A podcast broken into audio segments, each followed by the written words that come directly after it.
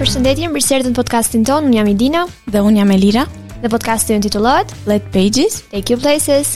Jemi rikthyer në episodin e parë të sezonit të tretë për të vazhduar të flasim për temat tona të preferuara. saktësisht librat, shfaqjet teatrale, jetën artistike të qytetit. Por kësaj radhe, një ngjarje speciale u bë shkak për këtë episod, sepse në Korçë për të gjashtin vit radhazi në mos gaboj, zhvillohet nga data 18 deri në datën 22 shtator Festivali i Filmit të Shkurtër Korça Short Film Festival. Dhe ne kemi ftuar në studio dy organizatorët e këtij festivali. I ftuari ynë i parë është Gledis Bica, I diplomuar në Shkollën e Filmit dhe Multimedias Marubi, regjisor, skenarist dhe producent, gjithashtu dhe drejtor i festivalit Korça Short Film Festival. Mirë se erdhët Gledis, ju falenderojmë që na nderuat duke ardhur në podcastin dhe në studion tonë modeste. Kënaqësi, faleminderit për ftesën dhe nuk është aspak modeste, madje është shumë e bukur dhe jam surprizuar kur e pashë. Nuk e dija që ka në Republikën e Shqipërisë një Studio të tillë brenda një ambienti të shkollës dhe nxënës të talentuar si ju që e doni artin dhe realizoni këto podcaste çdo javë. Faleminderit. E ftuara jonë e dytë është Aistela Vojka, producente e Dart Production dhe menaxhere e projektit të Korça Short Film Festival. Mirë se erdhe Aistela. Mirë se ju gjeta, gjithashtu kënaqësi shumë e madhe që të jem këtu. Fjalët e mira jua thashë më përpara, jo se për të bërë atë zakonin, po se vërtet i meritoni dhe ju uroj shumë suksese. Faleminderit. Që të merresh vite me radhë me organizimin e një festivali të tillë për filmin e shkurtër, të duhet diçka më tepër se aftësitë organizative. Duhet pasioni. Prandaj pyetja jonë e parë për të dy është cila është lidhja juaj me artin e shtatë, me kinematografin? Në fakt, ka qenë në shkollë të mesme, si ju, kur kam qenë në moshën 15 vjeçare, kam shkuar në një festival filmi në Tiranë, Dhe më lindi dëshira dhe isha kurioz uh, ishte shtysa ime parë për t'u marrë me film.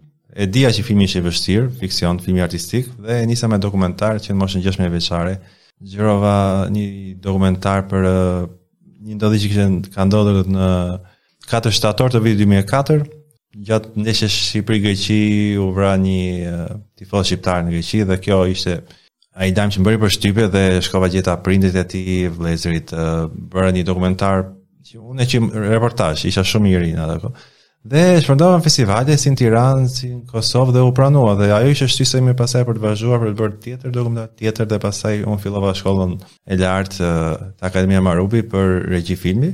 Dhe më pas aty bëra ato filmat studentorë që ishin tre, dhe kur isha në vitin e dytë, duke qenë se kisha filluar të ndiqja festivalet e ndryshme të filmit në Ballkan të paktën, vura re që nuk kishte një festival filmi për studentët dhe për filmin e shkurtër. Bëhet fjalë për vitin 2010, në Tiranë ishin vetëm dy festivale ato kohë, ishte i Tiranës dhe i të drejtave të njeriut.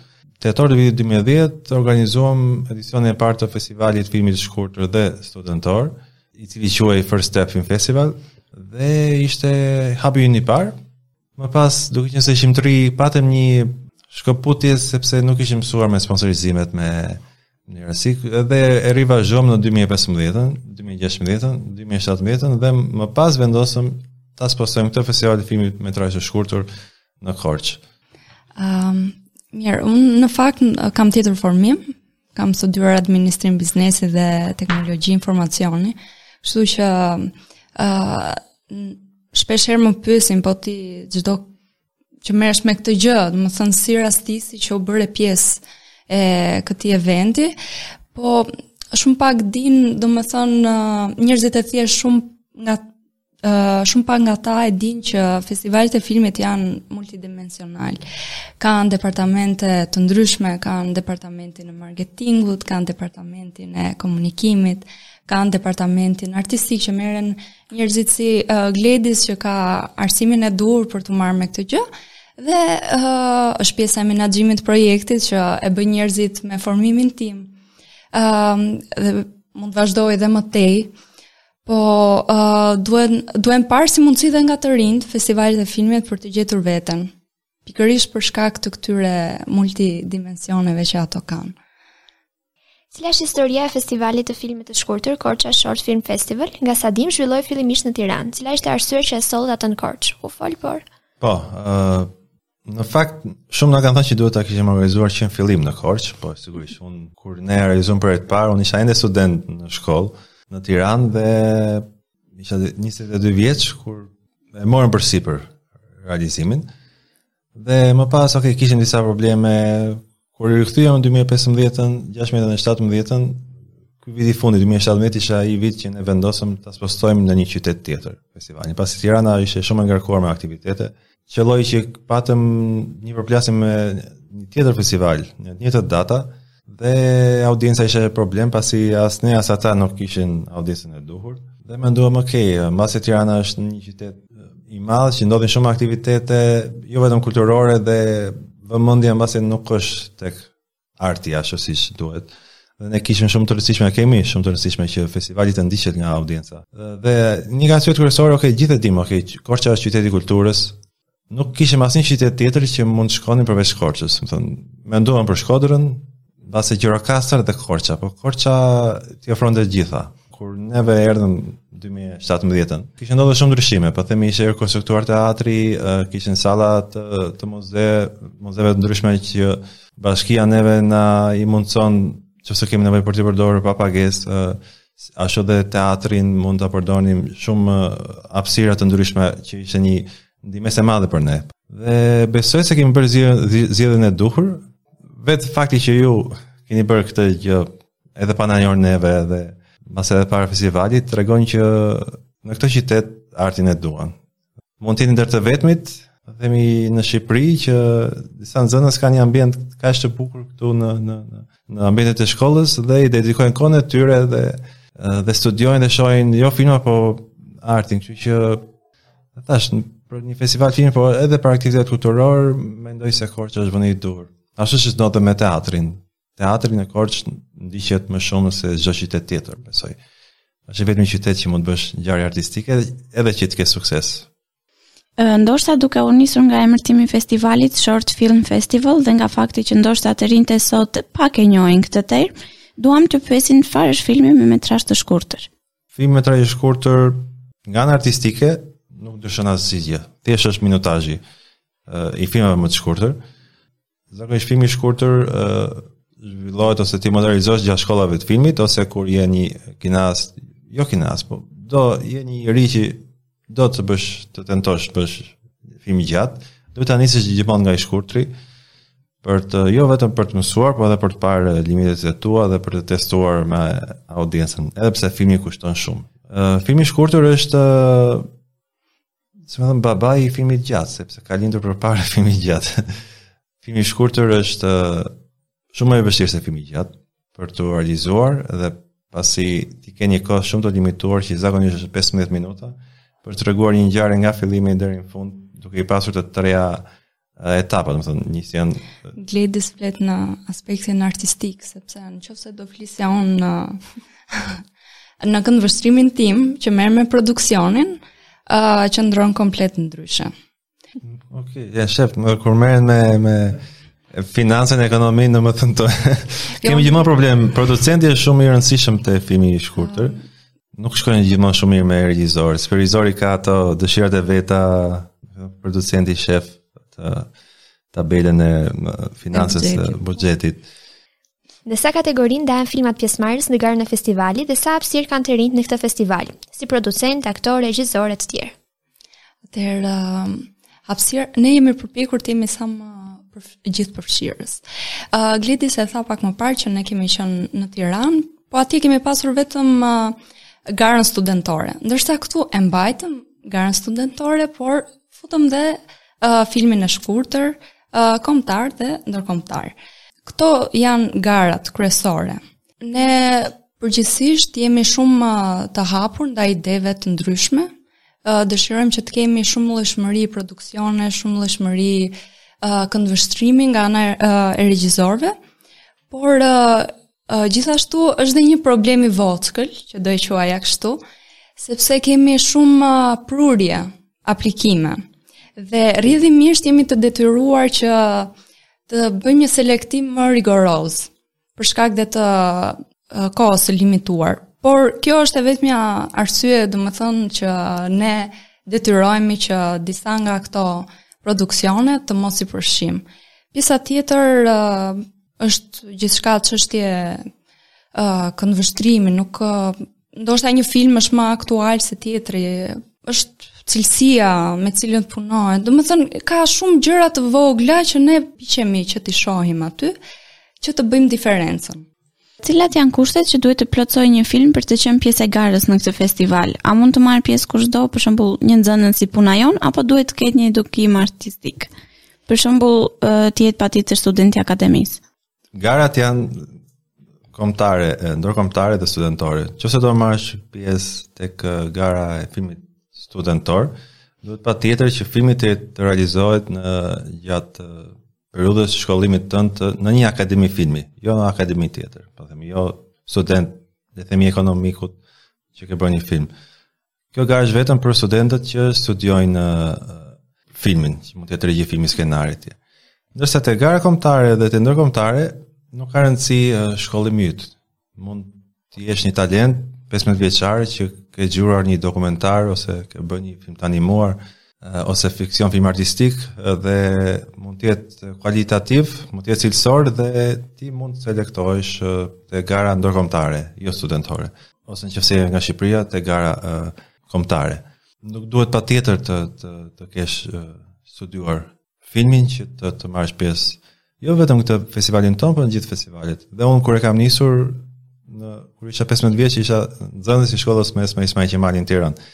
Dhe u pranova te gara kombëtare e festivalit Tiranës në më pas në Prizren në Dokufest 2006-ën dhe në ZagrebDox, në festival filmi dokumentar në Zagreb, edhe pse isha nxënës. Kështu që si festivali jonë, mos u stepni qoftë se keni dëshirë ose ide për të bërë film ose dokumentar, mos u stepni që do thoni që unë nuk studioj dhe nuk jam ende i aftë për të për të bërë një produkt, një një film edhe për ta shpërndarë në festivale. Thjesht do të them një detaj që në filmin tim të parë të shkurtër si nxënës, kur u shfaq në Tiranë nuk duartrokiti askush.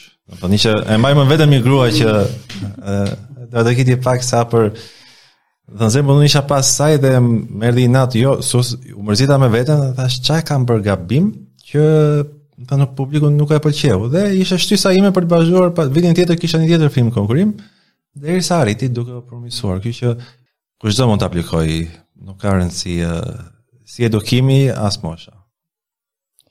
Uh, duket si pyetje naive megjithatë unë do ta bëj. Mund të më jepni disa arsye që një adoleshent si puna jonë të dojë të shohë një film? Po, uh, të flasim, apo? Okej, okay, mund të flasësh ti. Domethënë, okay. Po patjetër. Um, në fakt ka shumë arsye që mund të shikohet një film. Jo vetëm për argëtim.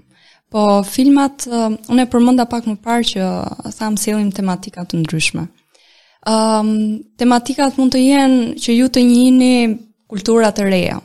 Tematikat mund të jenë edhe që të kuptoni që kultura juaj është shumë e ngjashme me një kulturë tjetër. Këto janë dy këndvështrime të ndryshme që mund të gjenden në film. Është edukimi uh, në mënyra të ndryshme, duke parë një film që mund të jetë bërë, uh, nuk e di, ne kemi një film për shembull nga Afrika e Jugut.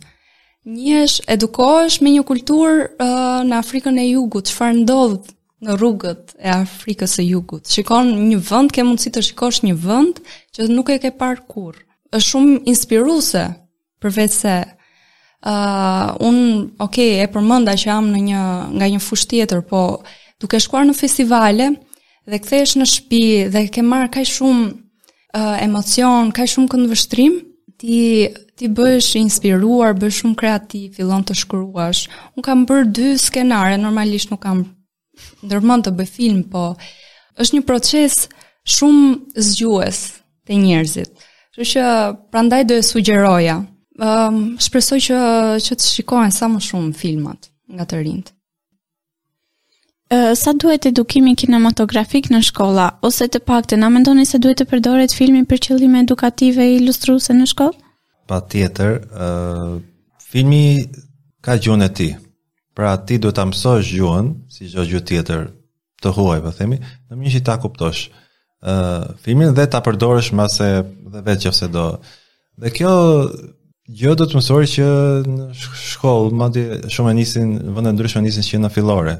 Po themi jo vetëm me filmin e animuar për fëmijë 6 deri në 8 vjeç, deri pastaj adoleshentë dhe kur ato mbushin 18 vjeç e din shumë mirë që të vegjël çfarë është filmi i shkurtër, animacioni dhe kanë shumë më të kollajtë shumë më të lehtë për ta kuptuar gjuhën e filmit. Filmi nuk është aq linear dhe nuk është si të lexosh një gazetë që do i kuptosh të gjitha, do thjesht duhet edhe duhet ta lodhësh pak mendjen, por për ta kuptuar, për ta kuptuar duhet ta kesh studiuar artin dhe filmin që në vegjëli. Neve në fakt për këtë arsye kemi nisur një një një projekt bashkëpunim me Dokufest në, në Kosovë, i cili është është sh, filmi dokumentar në shkollat e mesme. Është një projekt që ne do tentojmë që në gjithë shkollat e mesme ku mësuesit kanë treguar pak gatishmërinë dhe dhe dëshirën, Të vendosin filmin dokumentar në orët mësimore të ndryshme, kryesisht në lëndët sociale, me thënë letërsia, gjuhët e huaja, anglishtja, e tjerë, sociologjia, historia.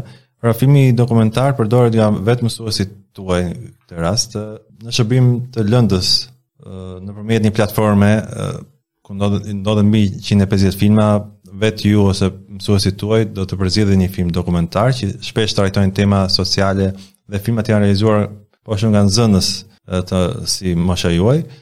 Më pas këto filma të shfaqen në, në orët tuaja dhe dalëngadalë do të tentojmë që kjo të vendoset në kurrikulën e, e, e shkollave të mesme në Shqipëri. Ky projekt është për shkollat e mesme, po duhet të kemi edhe një projekt tjetër për shkollat fillore, pasi sa më shpesh shpejt t'i nxisësh nxënësit dhe t'i mësosh jo vetëm syrin, por t'i mësosh nxënësit me me me këtë medium të shkurtër po si art, aq më mirë të jetë për të ardhmen e tyre për të kuptuar gjithë artet e tjera.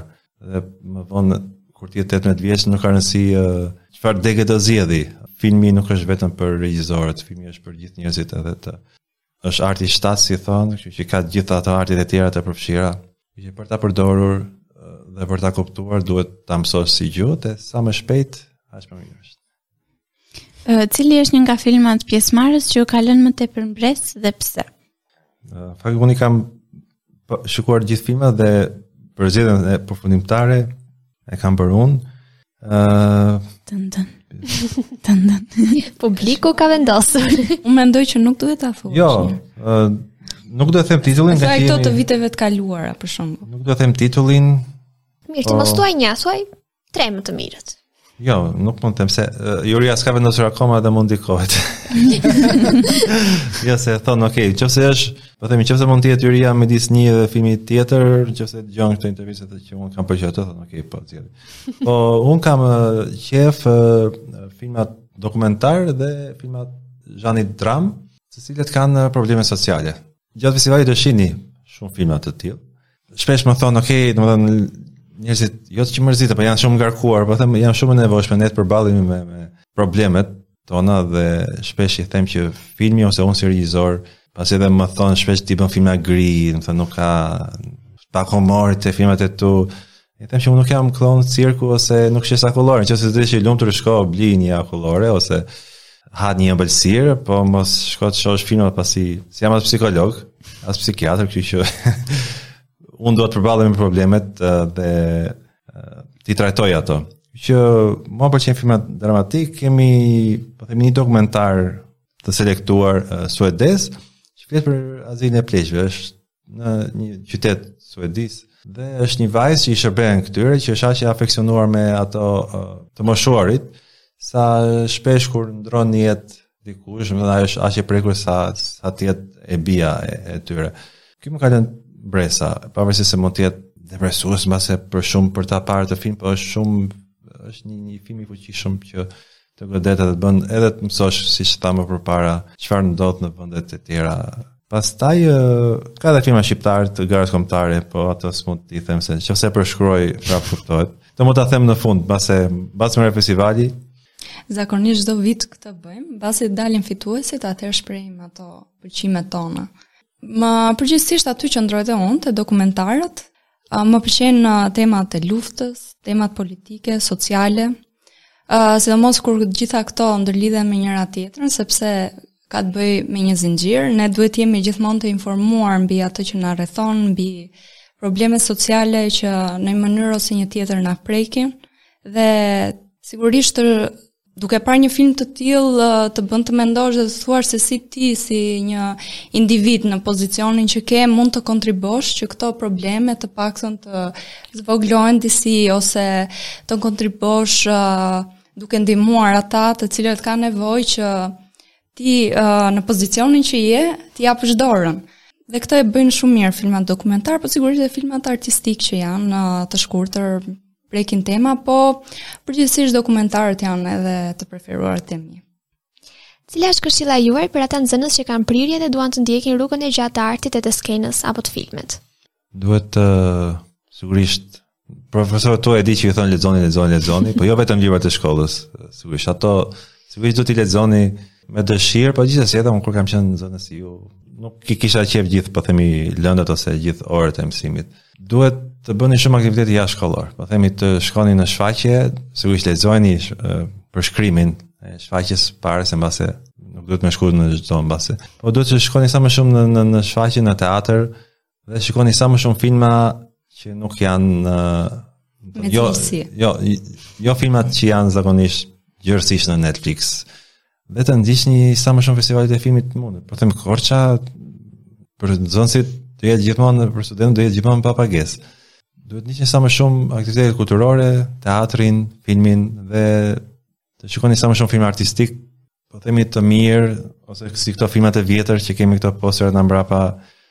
Ka shumë mënyra për të gjetur. Tani sot është në Google mund të kërkosh filmat më të mirë klasikë të viteve të 70 ose të 80 ose regjisorët më të mirë të kohës ose nëse doni filma aktualë mund të kërkoni cilat janë ato filma që janë kanë qenë pjesëmarrës ose kanë fituar në festivalet e mëdha siç Kana, Berlini, Venecia. dhe më pas t'i kërkoni ato filma, ka filma që mund t'i blesh, mund t'i marrësh me qira online, ka dhe që mund t'i shkarkosh. Një opsion tjetër është që të kontaktosh njerëz që kanë uh, informacion uh, se si se si mund të merren këto filma në mënyrë të rregullt. Ëm uh, e drejta e autorit është shumë e rëndësishme, ndoshta ëm uh, është shumë e zgjeruar si temë dhe unë nuk dua ta prek shumë gjatë që të lodh të gjithë ata që na dëgjojnë pas juve. Por uh, duhet të respektojmë uh, kreativitetin e të gjithëve. Uh, ashtu siç ne duam që të na respektohet uh, kreativiteti jonë, respekti është kulturë. në çdo aspekt, kështu që un këtë do thoja. duke qenë se jeni vizitor të shpesh të qytetit tonë dhe duke qenë se ne jemi korçarka, uh, mund t'ju oh. pyesim oh. si ju duket Korça? um, unë po e them kështu, unë vdes për Korçën. Um, shof, shof ato menutë, uh, ves syçka, ca gjëra karakteristike, Un vdes për Korçën. Domethënë unë e pëlqej shumë qytetin dhe në qoftë se do kisha mundësin, nuk do e kisha problem të vija të jetoja këtu. Sepse ka një atmosferë të jashtëzakonshme, ë uh, ë uh, juve edhe kur ziheni, ziheni ëmbël, sinqerisht. Dhe kjo ky aspekt më pëlqen shumë. nga Korça. Pastaj pjesa e kulturës, uh, keni shumë potencial si qytet, po dhe si njerëz jeni shumë të ngrohtë. Dhe le të themi që qytetin e bëjnë njerëzit, pastaj gjërat e tjera që juve nuk ju mungojnë. Keni një listë super të gjatë. Faleminderit. Po. Jeni të mirëpritur. Të vërtetën. Jo, nuk e njem, nuk e njem për këtë. Domethënë vërtet Korça është aq e qetë dhe kur shkojmë kur kthehemi në Tiranë pastaj ditën e parë për momentin nëqoftëse do pish kafe po themi buzë rruge ke një shqetësim që s'je mësuar me atë zhurmën, edhe pse mund të qëndrosh po themi një muaj në qytetin e Korçës. Po unë për vete jam nga Leskoviku me origjinë, kështu që kjo është edhe një arsye pse mbase më ka tërhequr Korça në ndryshim qyteteve të tjera, mbase se jam shumë më pranë Korçës se sa Tiranë. Këtu përfundon episodi i parë i këtij sezoni të ri. Falënderojmë dy të ftuarit tanë, Gledisin dhe Aiselën, që na nderuan me prezencën e tyre në studio dhe pranuan të intervistoheshin prej nesh. Faleminderit Aisela dhe Gledis. Faleminderit juve dhe shumë suksese edhe një herë. Faleminderit. Faleminderit. Uh, podcastin tonë mund ta ndiqni në Spotify, Google Podcast dhe në gjitha platformat e tjera të dedikuara. Mos harroni të na ndiqni në rrjetet sociale, Instagram dhe Facebook, si dhe në kanalin tonë të YouTube-it me emrin Podcast Juvenis. Deri në episodin tjetër. Adios.